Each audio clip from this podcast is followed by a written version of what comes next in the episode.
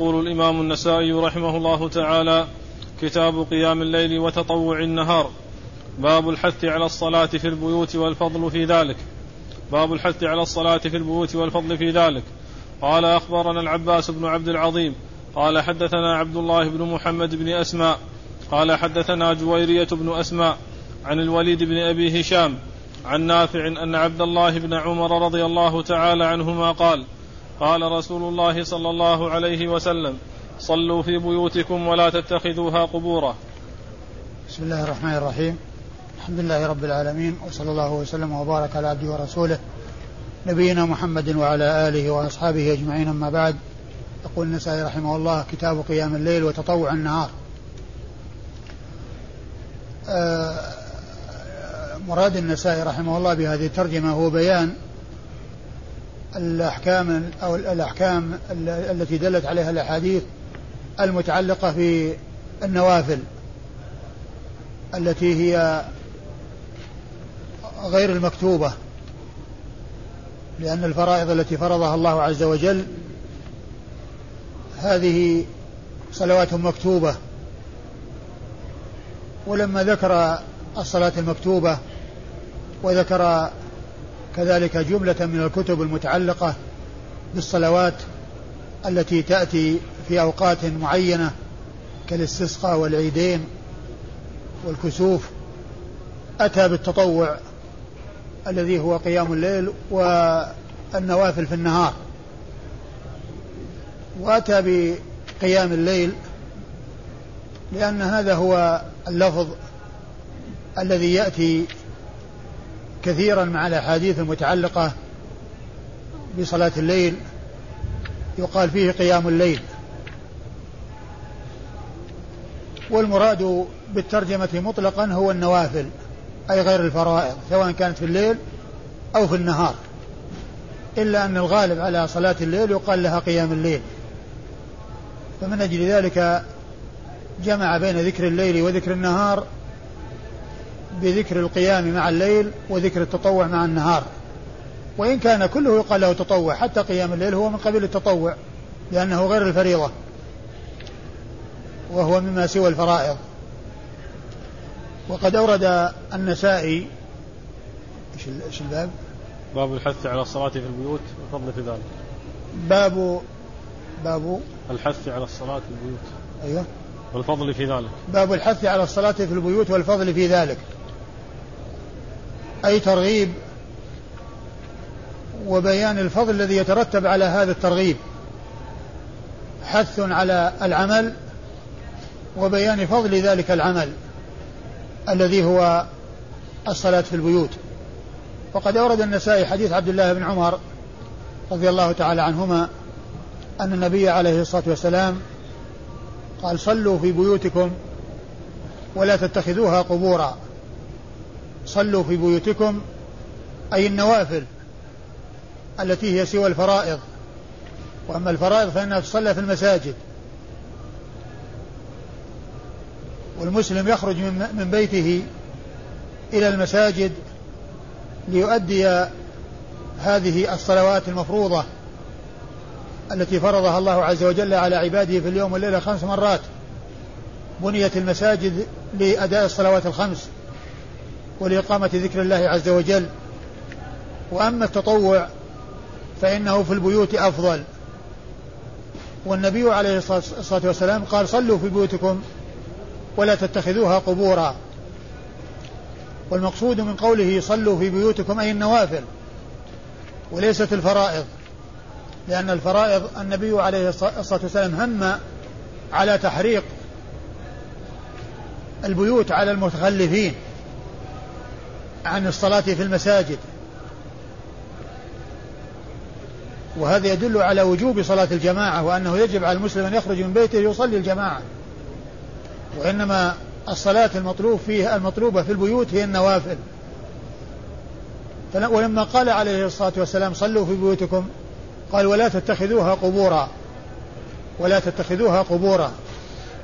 والمراد بقوله لا تتخذوها قبورا بعد قوله صلوا في بيوتكم هو بيان أن البيوت لا تشبه بالمقابر وتكون شبيهة بالمقابر تخلو من الصلاة لا يصلى في المقابر.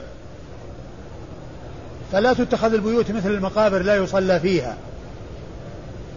وهذا يدل على أن المقابر لا يصلى فيها لأن النبي عليه الصلاة والسلام لما أمر بالصلاة في البيوت نهى أن تتخذ قبورا بأن تكون شبيهة بالمقابر التي ليست محلا للصلاة والتي لا يجوز للإنسان أن يصلي فيها أي, أي, أي النوافل أو الفرائض. لا تتخذ المقابر مواضع للصلاة. لا يصلى في المقابر. وأما صلاة الجنازة على القبور أو على القبر بعد الدفن لمن لم يصلي عليه فإن هذا جاءت به السنة عن رسول الله عليه الصلاة والسلام. ولا ينافي ذلك النهي عن اتخاذ القبور آه، اتخاذ البيوت مقابر يعني وأنها لا تشبه بالمقابر بحيث لا يصلى فيها. وكذلك ما جاء من النهي عن الصلاة إلى القبور والجلوس عليها لا ينافي ذلك لأن هذا هذه صلاة خاصة تتعلق بالميت وهو والنبي عليه الصلاة والسلام صلى على القبر بعد دفنه فدل هذا على أن صلاة الجنازة تختلف عن الصلوات الأخرى التي هي فرائض أو نوافل. صلوا في بيوتكم ولا تتخذوها قبورا. ثم أيضا آه قيل إن المراد بقوله لا تتخذوها قبورا أي لا يكون لكم فيها شأن إلا النوم. وأن تكونوا تتخذوا هذه المساكن للنوم فقط وليس لها نصيب من العبادة. فيكون شأن البيوت تشبه المقابر من حيث أنها تتخذ أمكنة للنوم فقط والنوم أخو الموت. والنوم أخو الموت والنوم هو الموتة الصغرى. والله عز وجل يقول الله يتوفى الأنفس حين موتها والتي لم تمت في منامها يعني يتوفاها في منامها. فيمسك التي قضى عليها الموت ويرسل الأخرى إلى أجل مسمى. والنوم أخو الموت. وقد جاء أن أهل الجنة لا ينامون لأن النوم أخو الموت. وهم لا يذوقون فيها الموت. الموت مطلقا سواء الموت الذي هو الموت الأكبر أو الموت الأصغر الذي هو مؤقت والذي هو خروج الروح لفترة مؤقتة. ففسر اتخاذ القبور النهي عن اتخاذ القبور مساجد آه اتخاذ القبور البيوت مقابر. أي لا تتخذ أماكن للنوم فقط. كما تتخذ المقابر للموتى فتكون البيوت أماكن للموت الأصغر والمقابر أماكن للموت الأكبر وإنما يكون للبيوت نصيب من الصلاة. وقيل أيضا إن قوله لا تتخذوها قبورا أي لا تدفنوا الموتى في البيوت. لا تتخذوها أماكن للدفن بل الموتى يدفنون في غير البيوت. لأن الدفن في البيوت هو بناء على القبور والبناء على القبور لا يجوز وإنما الدفن يكون في المقابر ولا يكون في البيوت لأن البيوت ليست أماكن للدفن. وما جاء من كون النبي عليه الصلاة والسلام دفن في بيته هذا من خصائصه عليه الصلاة والسلام. كونه دفن في بيته. وجاء أن, أن, أن الأنبياء يدفنون حيث يموتون. فهو دفن حيث مات عليه الصلاة والسلام. ودفنه في بيته من خصائصه. دفنه في بيته من خصائصه. ودفن أبي بكر وعمر رضي الله عنه. دفن معه في المكان الذي دفن فيه.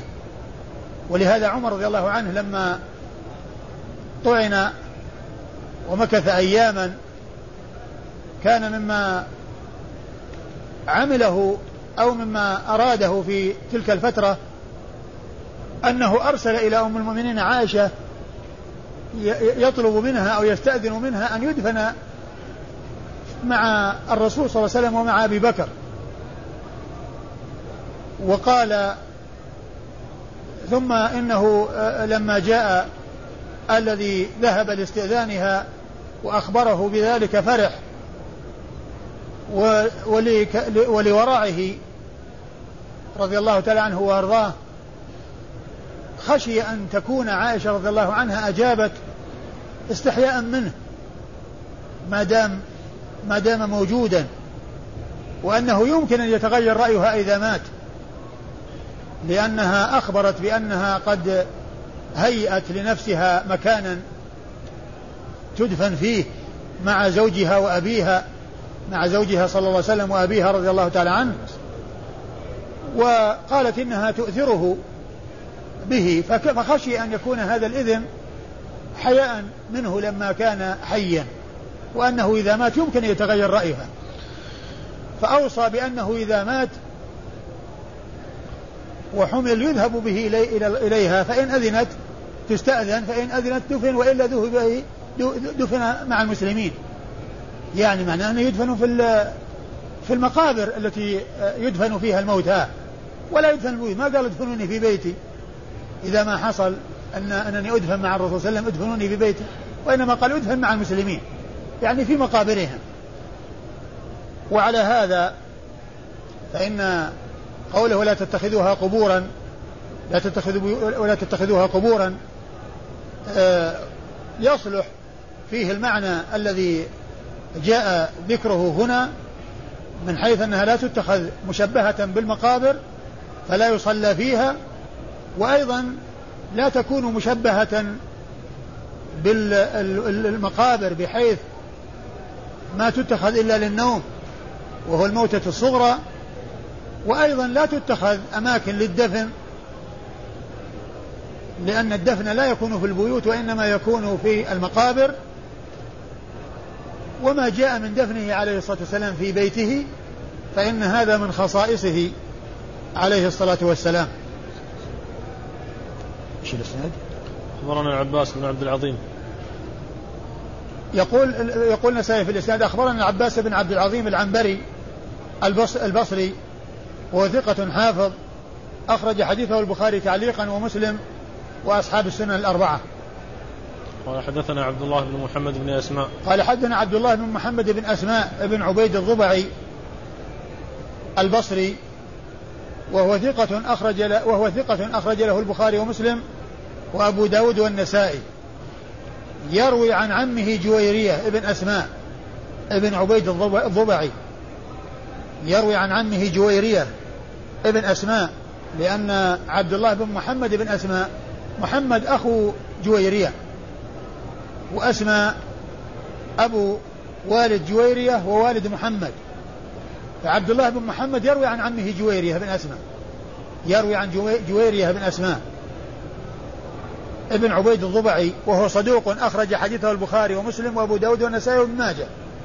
يعني فيه زيادة ابن ماجه للذين خرجوا عن الذين خرجوا لابن أخيه عبد الله بن محمد. وجويرية بن أسماء اسمه واسم أبيه مما اتفق أن يكون مثل أسماء النساء لأن جويرية من أسماء النساء وأسماء من أسماء النساء. فهو وأبوه اتفق أن تكون أسماءهم من جنس أسماء النساء جويرية بن أسماء.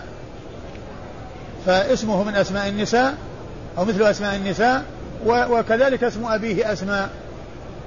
من جنس أسماء النساء. وهو صدوق أخرج حديثه البخاري ومسلم وأبو داود والنسائي وابن ماجه. عن عن الوليد بن أبي هشام. عن الوليد ابن أبي ابن أبي هشام. وهو صدوق. نعم.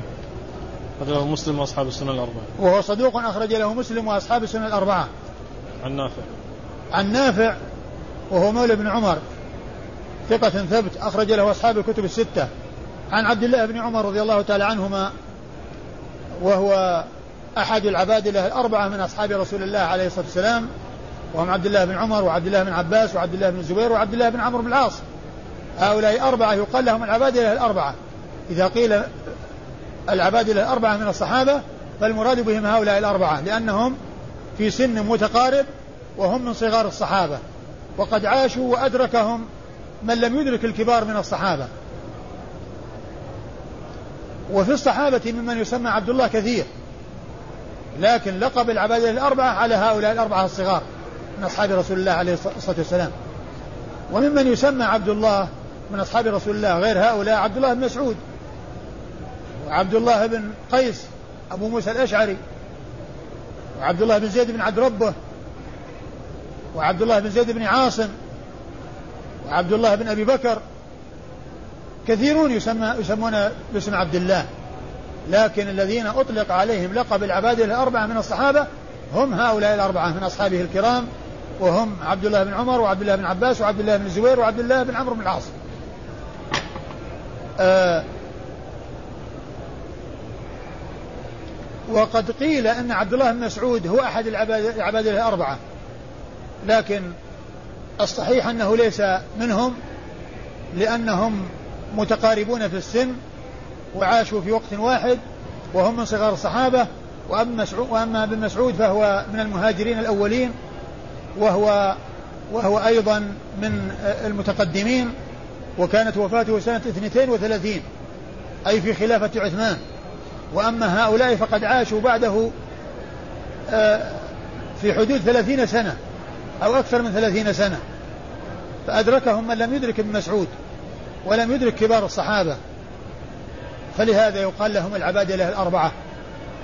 وأيضا عبد الله بن عمر هو أحد السبعة المعروفين بكثرة الحديث عن رسول الله عليه الصلاة والسلام. وهم أبو هريرة وابن عمر وابن عباس وأبو سعيد الخدري وأنس بن مالك وجابر بن عبد الله الأنصاري وأم المؤمنين عائشة. هؤلاء سبعة هم الذين عرفوا بكثرة الحديث عن رسول الله عليه الصلاة والسلام. ولم يروي أحد من الصحابة مثل ما رواه هؤلاء السبعة من أصحابه الكرام رضي الله تعالى عن الصحابة أجمعين. قال رحمه الله تعالى أخبرنا أحمد بن سليمان قال حدثنا عفان بن مسلم قال حدثنا وهيب قال سمعت موسى بن عقبة قال سمعت أبا النضر يحدث عن بسر بن سعيد عن زيد بن ثابت رضي الله تعالى عنه أن النبي صلى الله عليه وسلم اتخذ حجرة في المسجد من حصير فصلى رسول الله صلى الله عليه وسلم فيها ليالي حتى اجتمع إليه الناس ثم فقدوا صوته ليلة فظنوا أنه نائم فجعل بعضهم يتنحنح ليخرج إليهم فقال ما زال بكم الذي رأيت من صنعكم حتى خشيت أن يكتب عليكم ولو كتب عليكم ما قمتم به فصلوا أيها الناس في بيوتكم فإن أفضل صلاة المرء في بيته إلا الصلاة المكتوبة. ثم أورد النسائي حديث زيد بن ثابت رضي الله تعالى عنه أن النبي عليه الصلاة والسلام اتخذ حجرة من حصير يعني تكون كالستار يحتجرها يقتطعها من المسجد بحيث يصلي فيها. ولعل اتخاذه ذلك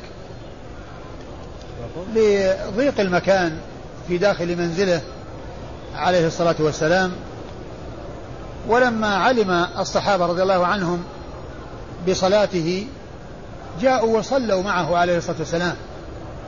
ثم صلوا معه مرة أخرى. ثم لما رآهم تتابعوا وعلم بعضهم بعض وكثروا لم يخرج. في ليلة وقد انتظروا خروجه. عليه الصلاة والسلام. وظنوا أنه نائم فجعل بعضهم يتنحنح.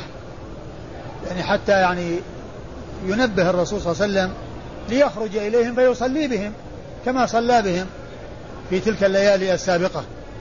والنبي عليه الصلاة والسلام ما كان نائما ولكنه لم يخرج خشية أن يفترض عليهم قيام الليل. قيام رمضان وكان هذا في رمضان. وهذا هو الأصل في صلاة التراويح. النبي صلى الله عليه وسلم صلى بأصحابه ليالي في آخر الشهر. ولما رآهم تتابعوا وكثروا خشي أن يفرض عليهم. فترك, فترك ذلك صلوات الله وسلامه وبركاته عليه. وهذا من شفقة على أمته وحرصه على دفع المشقة عنها. وأن تكلف بما فيه مشقة عليها. فخشي أن يفرض ذلك أي صلاة الليل أو قيام رمضان. يعني قيام رمضان. لأنه كان هذا في في رمضان أو في آخر رمضان. فأخبرهم بأنه يعلم بمكانهم وأنهم حضروا ولكن منعه من ذلك خشية افتراضه عليهم أي قيام رمضان. وهذا من شفقة على أمته. عليه الصلاة والسلام وحرصه على دفع العنة والمشقة عنها.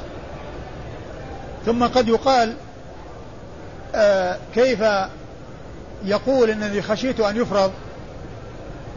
وهو عليه الصلاة والسلام لما عرج به إلى السماء وفرضت عليه الصلوات الخمس وكانت خمسين اولا ثم خففت إلى خمس وصارت خمسا في العمل وخمسين في الأجر وقال ما يبدل القول لدي؟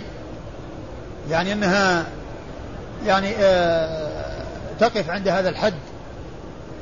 فكيف يزاد شيء يفرض وقد خففت الخمسين إلى إلى خمس؟ والجواب عن هذا أنه لا يختلف لأن الخمس في اليوم الليلة. يعني فرضها في اليوم الليلة هذا هو الذي لا يحصل فيه زيادة. لأن الله تعالى خفف لكن كونه يحصل في السنة في الشهر يعني في رمضان يعني يفرض عليهم صلاة التراويح هذا لا ينافيه. يعني كونه خفف عنهم في اليوم الليلة لأن التخفيف كان عن اليوم والليلة.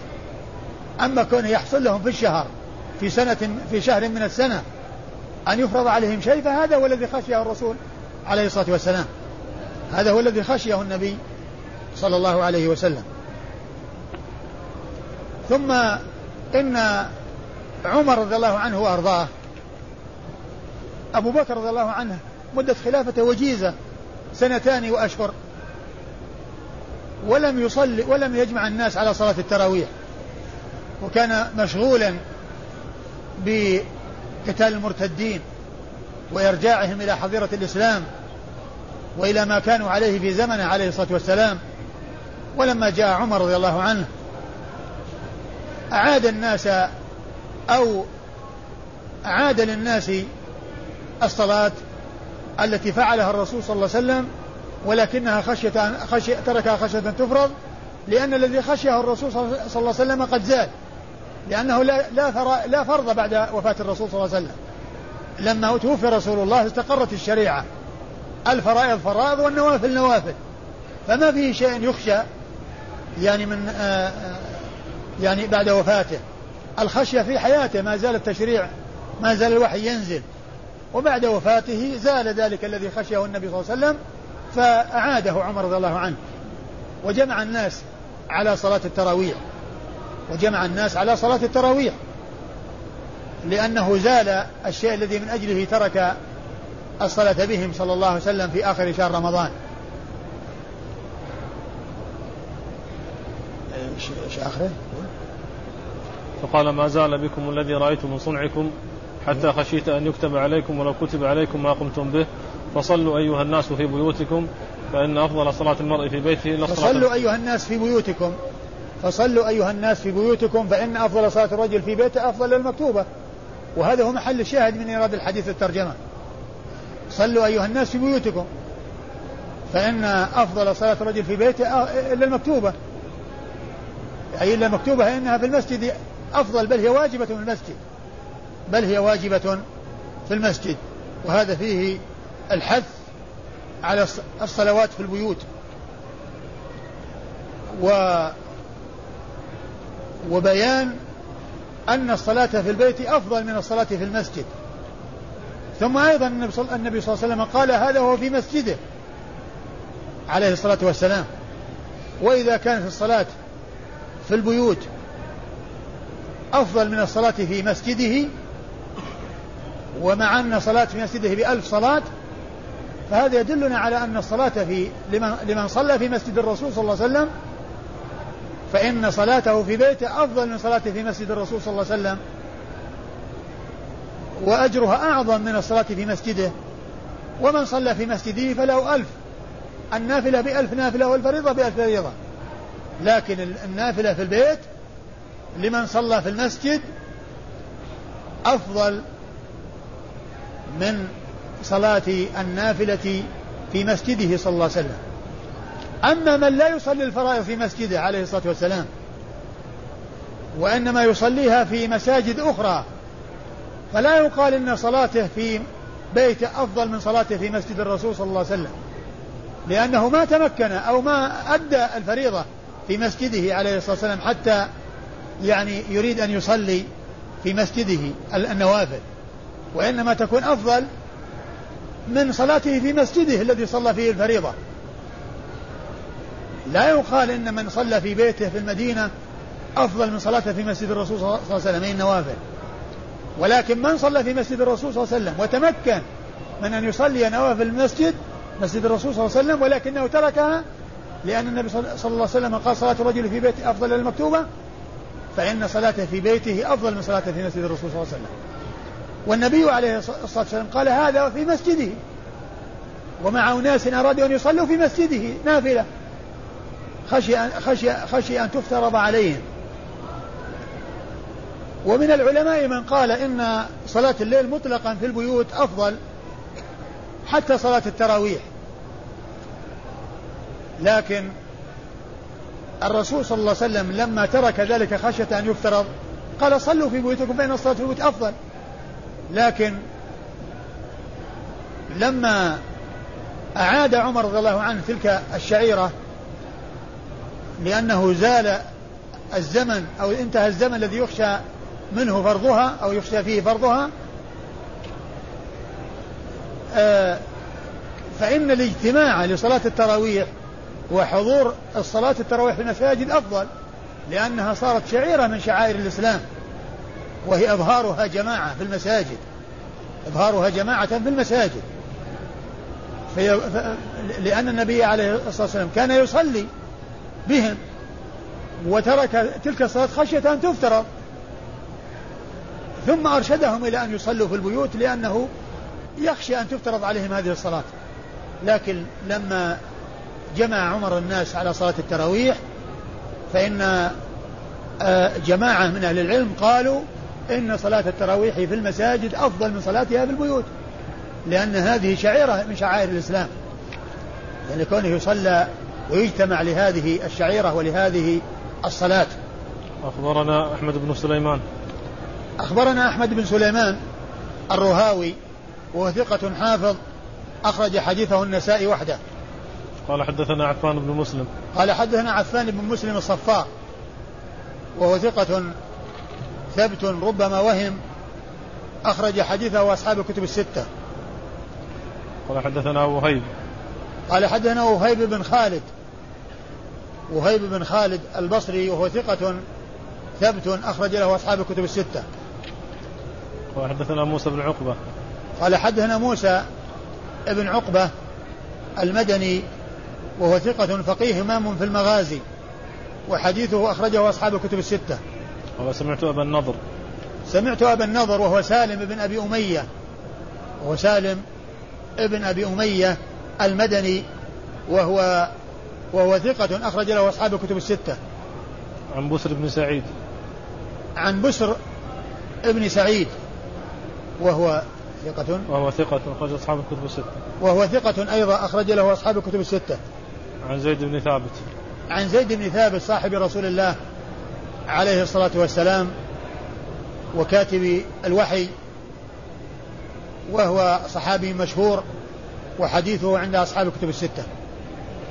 وقال رحمه الله تعالى أخبرنا محمد بن بشار قال حدثنا إبراهيم بن أبي الوزير قال حدثنا محمد بن موسى الفطري عن سعد بن إسحاق بن كعب بن عجرة عن أبيه عن جده رضي الله تعالى عنه قال صلى رسول الله صلى الله عليه وسلم صلاة المغرب في مسجد بني عبد الأشهل فلما صلى قام ناس يتنفلون فقال النبي صلى الله عليه وسلم عليكم بهذه الصلاة في البيوت.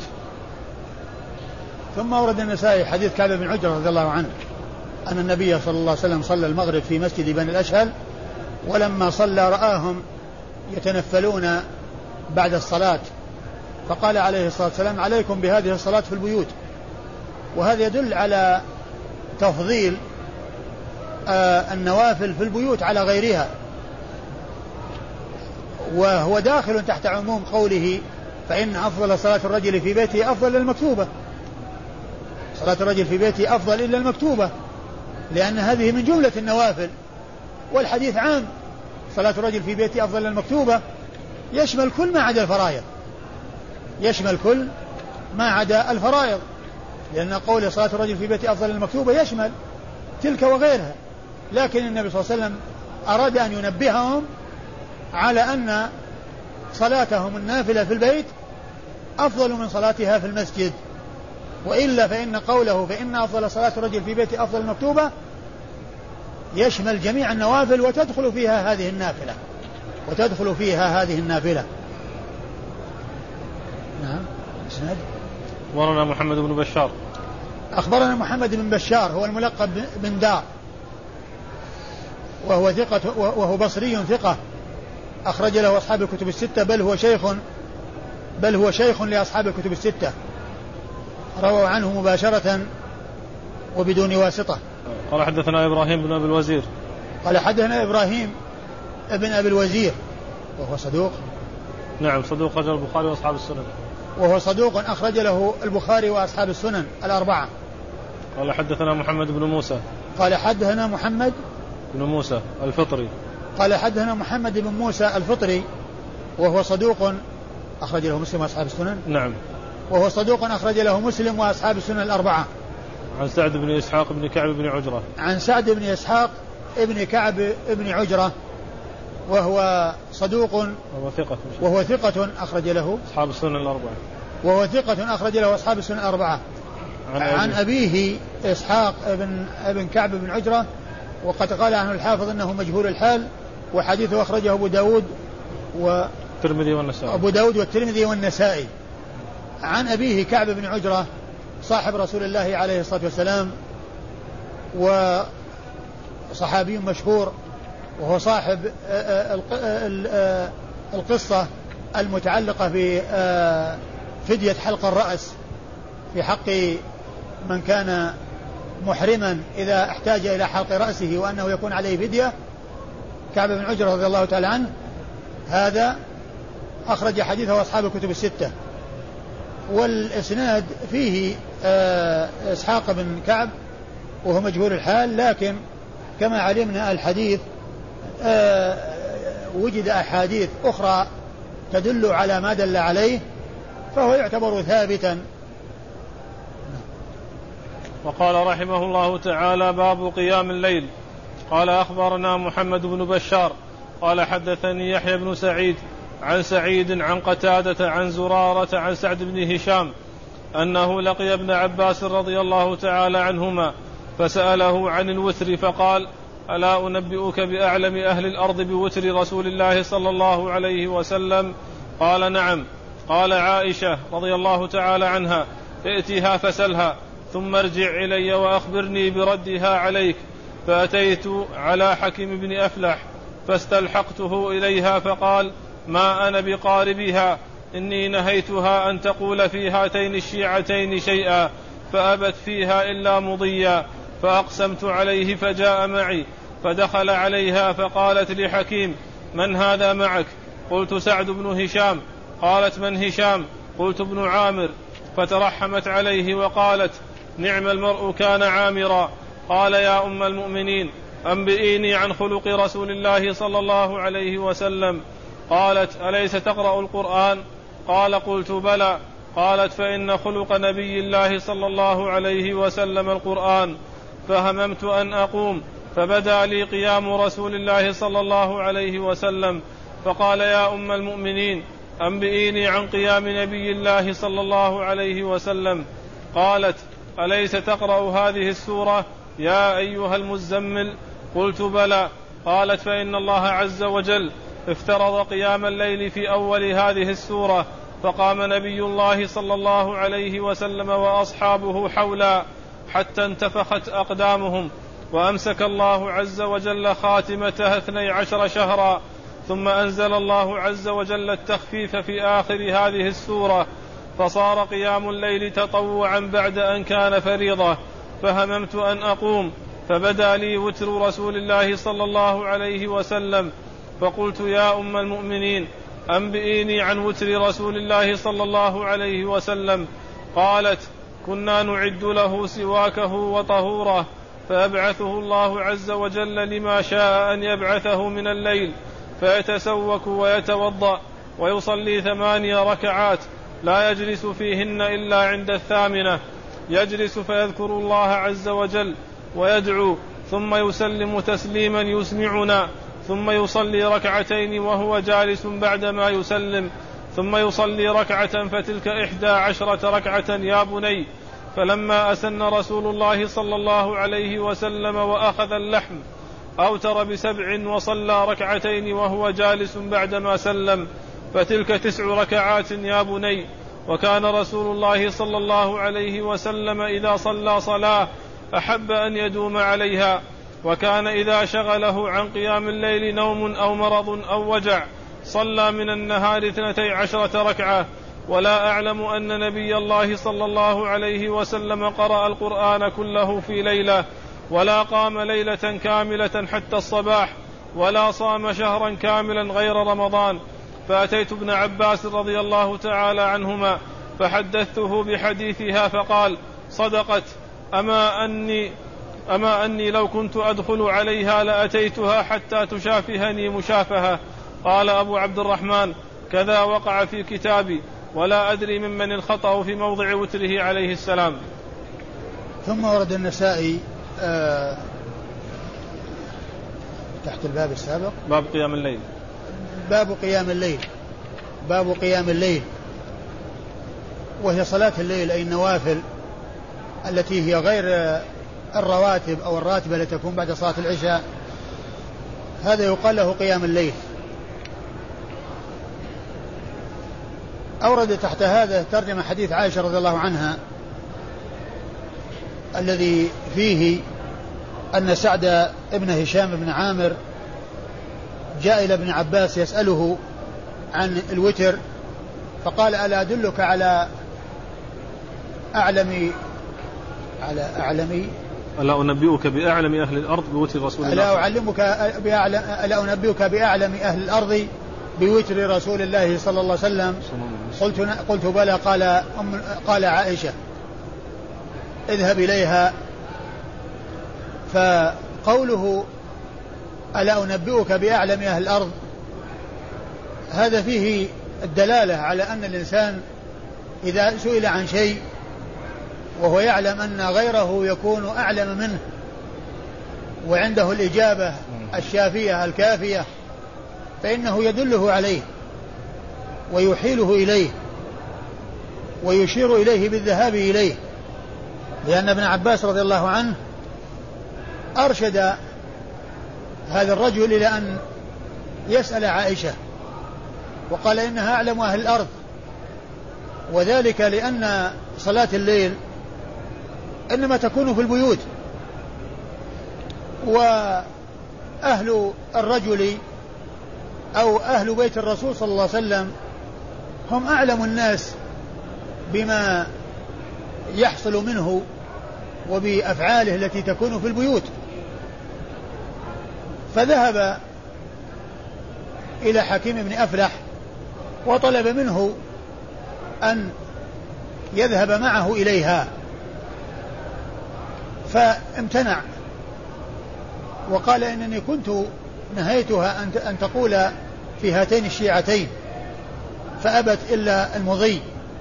يعني يعني بذلك ما جرى من الحروب ومن الاختلاف التي حصلت بعد قتل عثمان رضي الله تعالى عنه وأرضاه. وقال ما أنا بقاربها. فامتنع فألح عليه وأقسم عليه أن يذهب فذهب بر بقسمه. أقسم عليه فبر بقسمه وذهب. وإن كانت نفسه آآ آآ وإن كان لا يريد الذهاب إليها للسبب الذي ذكره وأشار إليه. ولما ذهب وكانت تعرف حكيما سألته من هذا الذي معك؟ لأن هذا الذي جاء يسأل هو الذي يسأل عنه. وكأنه طلب منه أن يذهب لأنه لأنها لأنه على علم أنها على معرفة به وأنها تعرفه أي تعرف حكيم بن أفلح. فقال سعد بن ابن هشام قالت هش ومن هشام؟ قال ابن عامر. فترحمت على عامر وأثنت عليه. ثم قال سعد بعد أن عرف به وهذا فيه دليل على أن الإنسان إذا حضر إليه أحد لا يعرفه أنه يسأل عنه.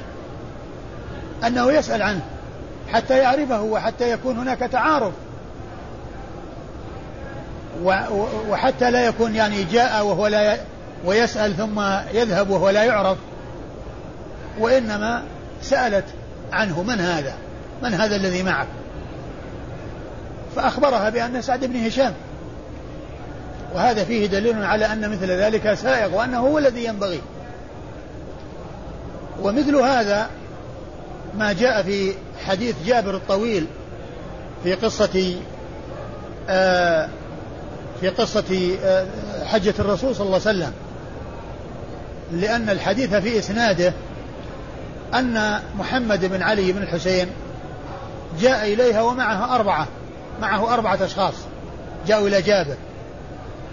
وقد عمي وكبر.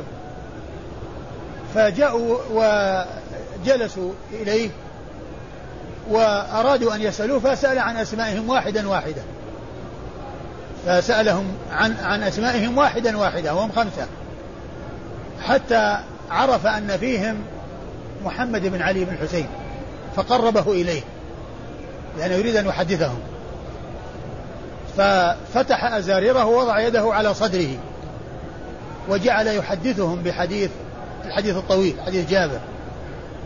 الحاصل أو محل الشاهد من إيراد ذلك أنه يعني شبيه بالذي حصل من عائشة من سؤالها عن الرجل الذي لا تعرفه وأن هذا فيه أنه, أن أنه ينبغي للإنسان عندما يأتي إليه أحد فإنه يسأل عنه حتى يكون على علم وحتى يعرفه.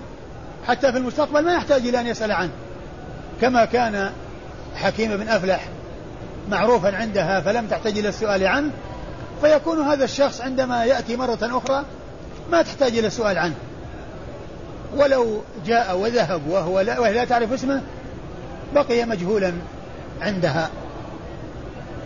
فمثل هذه القصة ما جاء في حديث جابر رضي الله عنه حيث جاء إليه الخمسة وفيهم محمد بن علي وسألهم عن أسمائهم واحدا واحدا حتى أخبروه بأسمائهم وكان فيهم محمد بن علي فقربه وجعل يلقي عليهم حديث رسول الله صلى الله عليه وسلم حديث حجة الرسول صلى الله عليه وسلم الحديث الطويل الذي هو أطول حديث في وصف الحج حج الرسول صلى الله عليه وسلم.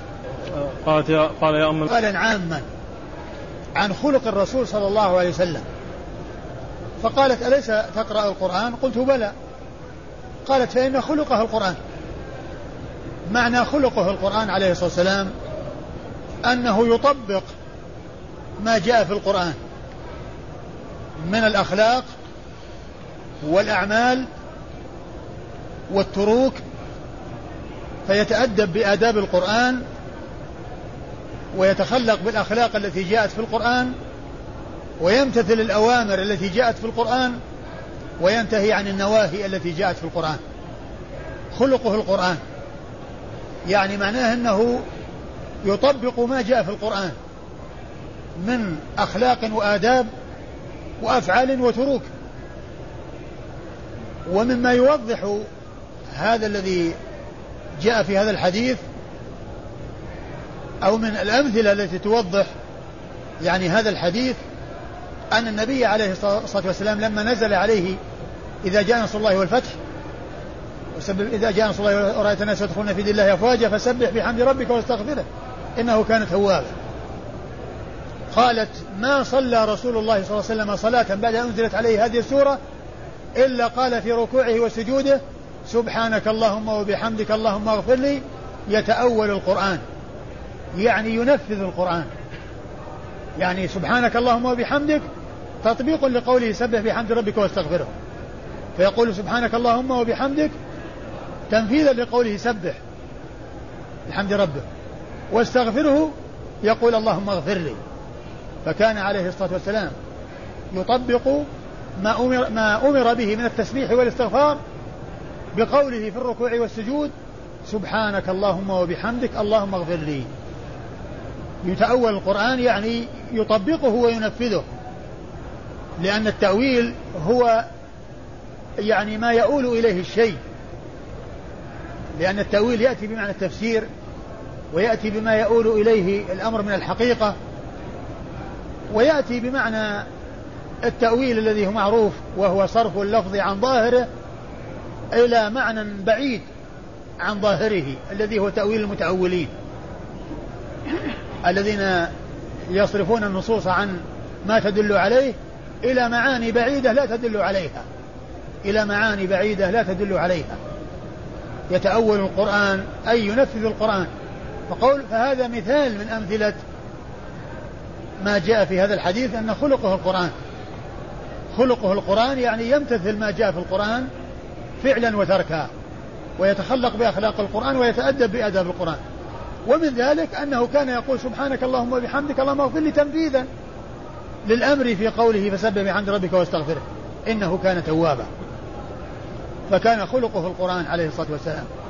وقد وصفه الله عز وجل في القرآن بأنه آه على خلق عظيم. عليه أفضل الصلاة وأتم التسليم. وخلقه مبني على القرآن. وعلى ما جاء في القرآن. يمتثل الأوامر وينتهي عن النواهي ويتأدب بالآداب ويتخلق بالأخلاق. عليه أفضل الصلاة وأتم التسليم. قال فهممت أن أقوم فبدا لي قيام رسول الله صلى الله عليه وسلم. قال فهممت أن أقوم فبدا لي قيام رسول الله صلى الله عليه وسلم. فسألها عن قيام رسول الله عليه الصلاة والسلام. فقالت قالت أليس تقرأ هذه السورة يا أيها المزمل؟ نعم فقالت أليس تقرأ هذه السورة يا أيها المزمل؟ إن الله عز وجل أنزل على رسوله أول هذه السورة فكان يقوم وكذلك أصحابه يقومون معه سنة حتى تمر تورمت أقدامهم. ثم إن الله عز وجل خفف عنهم فأنزل آخر السورة التي فيها التخفيف والتي فيها بيان أن قيام الليل صار تطوعا بعد أن كان فريضة فخفف الله تعالى عن نبيه عليه الصلاة والسلام وصار تطوعا وفريضة وكان عليه الصلاة والسلام يقوم الليل وهو تطوع. ولهذا لما قالت له عائشة وكان يقوم الليل حتى تتفطر قدماه آه كيف تفعل؟ ذلك وقد غفر الله لك ما تقدم من ذنبك وما تأخر. قال يا عائشة أفلا أكون عبدا شكورا؟ أفلا أكون عبدا شكورا؟ يعني فمن شكر الله عز وجل على أن غفر له ما تقدم من ذنبه وما تأخر أنه كان يتقرب إليه بالعبادة وكان يقوم الليل حتى آه لأنه يحب أن يكون عبدا شكورا صلوات الله وسلامه وبركاته عليه. فصار قيام الليل أولا فرضا عليه عليه الصلاة والسلام ثم إنه كان تطوعا في حقه وفي حق أمته عليه أفضل الصلاة وأتم التسليم. أيوة. قال فهممت أن أقوم فبدا لي وتر رسول الله صلى الله عليه وسلم. فهممت أن أقوم فبدا لي وتر الرسول صلى الله عليه وسلم. وهذا هو الذي كان سأل ابن عباس أولا عنه وأرسله إلى عائشة للسؤال عنه وقال إنها أعلم أهل الأرض بوتر رسول الله صلى الله عليه وسلم لأنها صاحبة البيت. وصلاة الليل إنما تكون في البيت والوتر إنما يكون في البيت فهي أعلم وأدرى من غيرها. نعم. وقلت يا أم المؤمنين أنبئيني عن وتر رسول الله صلى الله عليه وسلم.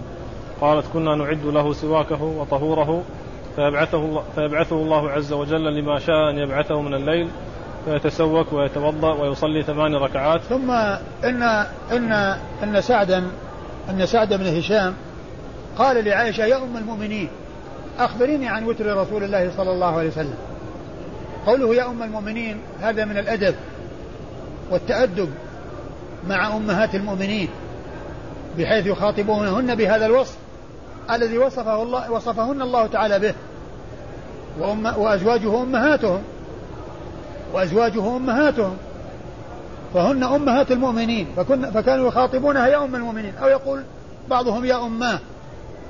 لأنه من المؤمنين وهي أمه. فمنهم من يقول يا أماه ومنهم من يقول يا أم المؤمنين. وهذا من الأدب مع زوجات رسول الله عليه الصلاة والسلام حيث كانوا يخاطبونهن بقولهم يا أم المؤمنين. ثم أيضا هي في جوابها كانت تقول يا بني. كانت تقول يا بني. وهذه أيضا من العبارات التي يقولها الكبير للصغير. بحيث يقول له يا بني وهذا فيه عطف ورفق وإحسان وأسلوب حسن يبعث في نفس الصغير آه، الفرح والسرور. فكان فكانت تقول له كما جاء في الحديث يا بني. والرسول صلى الله عليه وسلم كان يقول لأنس يا بني يقول لأنس يا بني. وكانوا يقولون يعني آه، صغار الصحابة يقولون لكبارهم يا عم وإن كان ليس من قرابته. كما في حديث عبد الرحمن بن عوف رضي الله عنه يوم بدر أنه قال إن نظرت إلى عن يميني وشمالي شابان صغيران.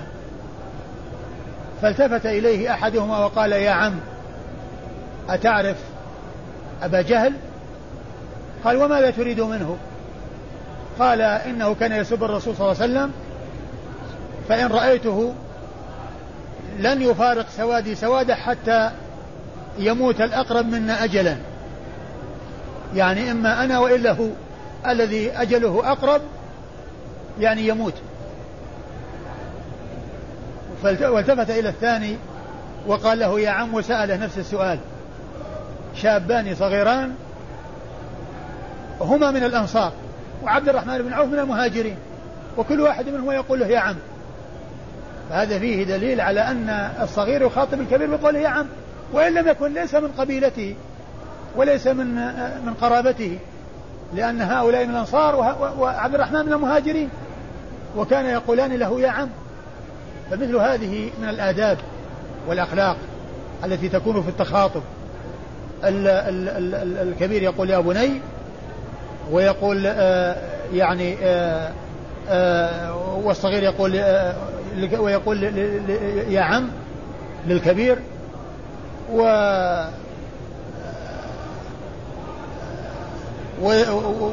وكذلك كانوا يخاطبون أمهات المؤمنين بقولهم يا أم المؤمنين أو يا أماه يا أم المؤمنين أو يا أماه أيوة يا أم المؤمنين أنبينا عن وثي رسول الله صلى الله عليه وسلم قالت كنا نعد له سواكه وطهورة.